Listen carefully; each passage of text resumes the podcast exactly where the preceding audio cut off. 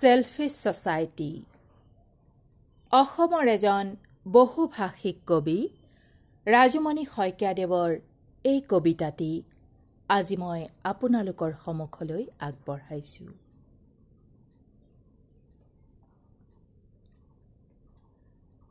পৃথিৱীৰ সপোন ভাগৰি পৰিছে।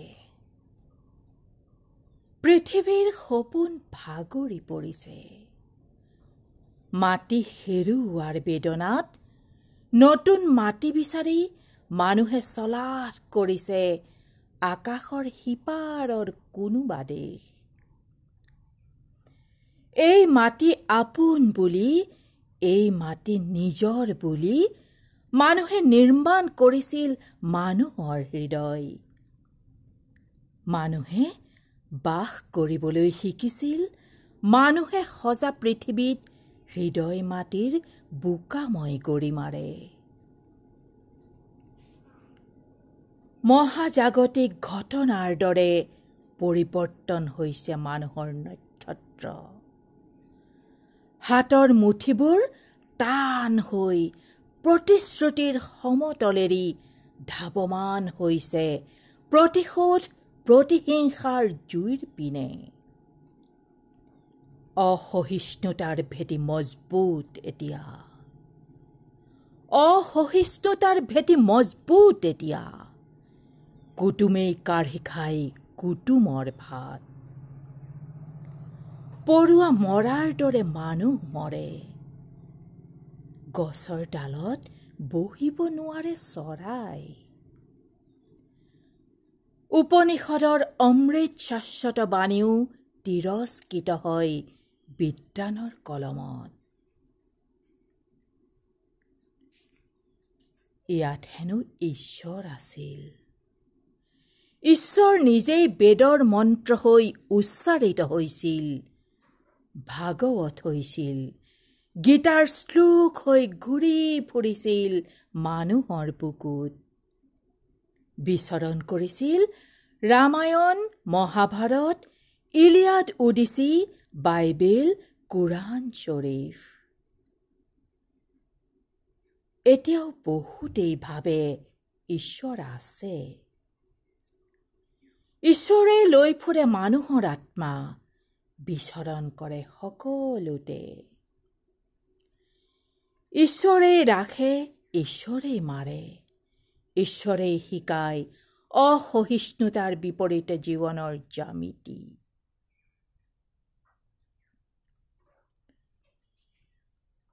মোৰ জন্মৰ আগতেই মৃত্যু হৈছে ঈশ্বৰৰ। মোৰ জন্মৰ আগতেই মৃত্যু হৈছে ঈশ্বৰৰ। যুদ্ধ চাবলৈ আহিছিল ঈশ্বৰ। ৰৈ আছিল নৈৰ পাৰত। শত্ৰু বুলি হত্যা কৰিলে মানুহেই ঈশ্বৰক। দ্বিতীয়খন বিশ্বযুদ্ধত নিহত হ'ল তেত্ৰিশ কোটি দেৱতা মানুহৰ অস্ত্ৰাঘাতত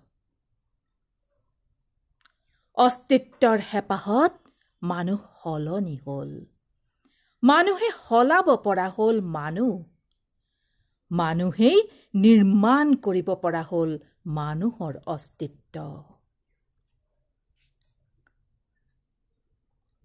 পৰিৱৰ্তনৰ বতাহত মন্ত্ৰবোৰ উচ্চাৰিত হ'ল আনে নুশুনাকৈ।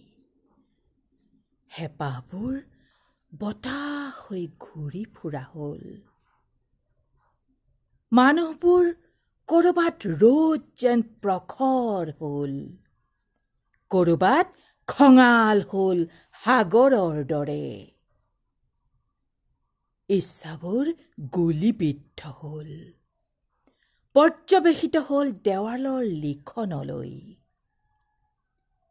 মনবোৰ জহি খহি বিতৃষ্ণাত ভঁৰাল হ'ল।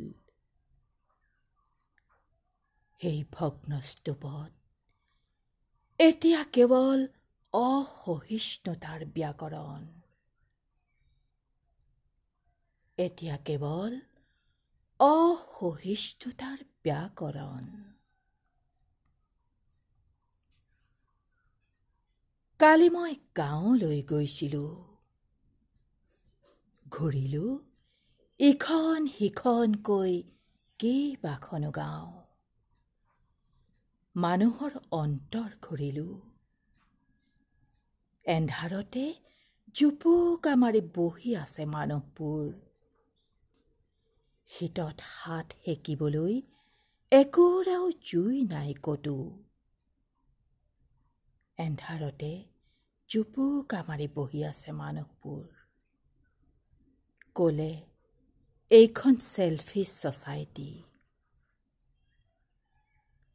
এইখন চেলফিছ ছ'চাইটি বহি থাকিব হেনো তেনেকৈ সূৰুজৰ সহিষ্ণু উত্তাপ অহালৈকে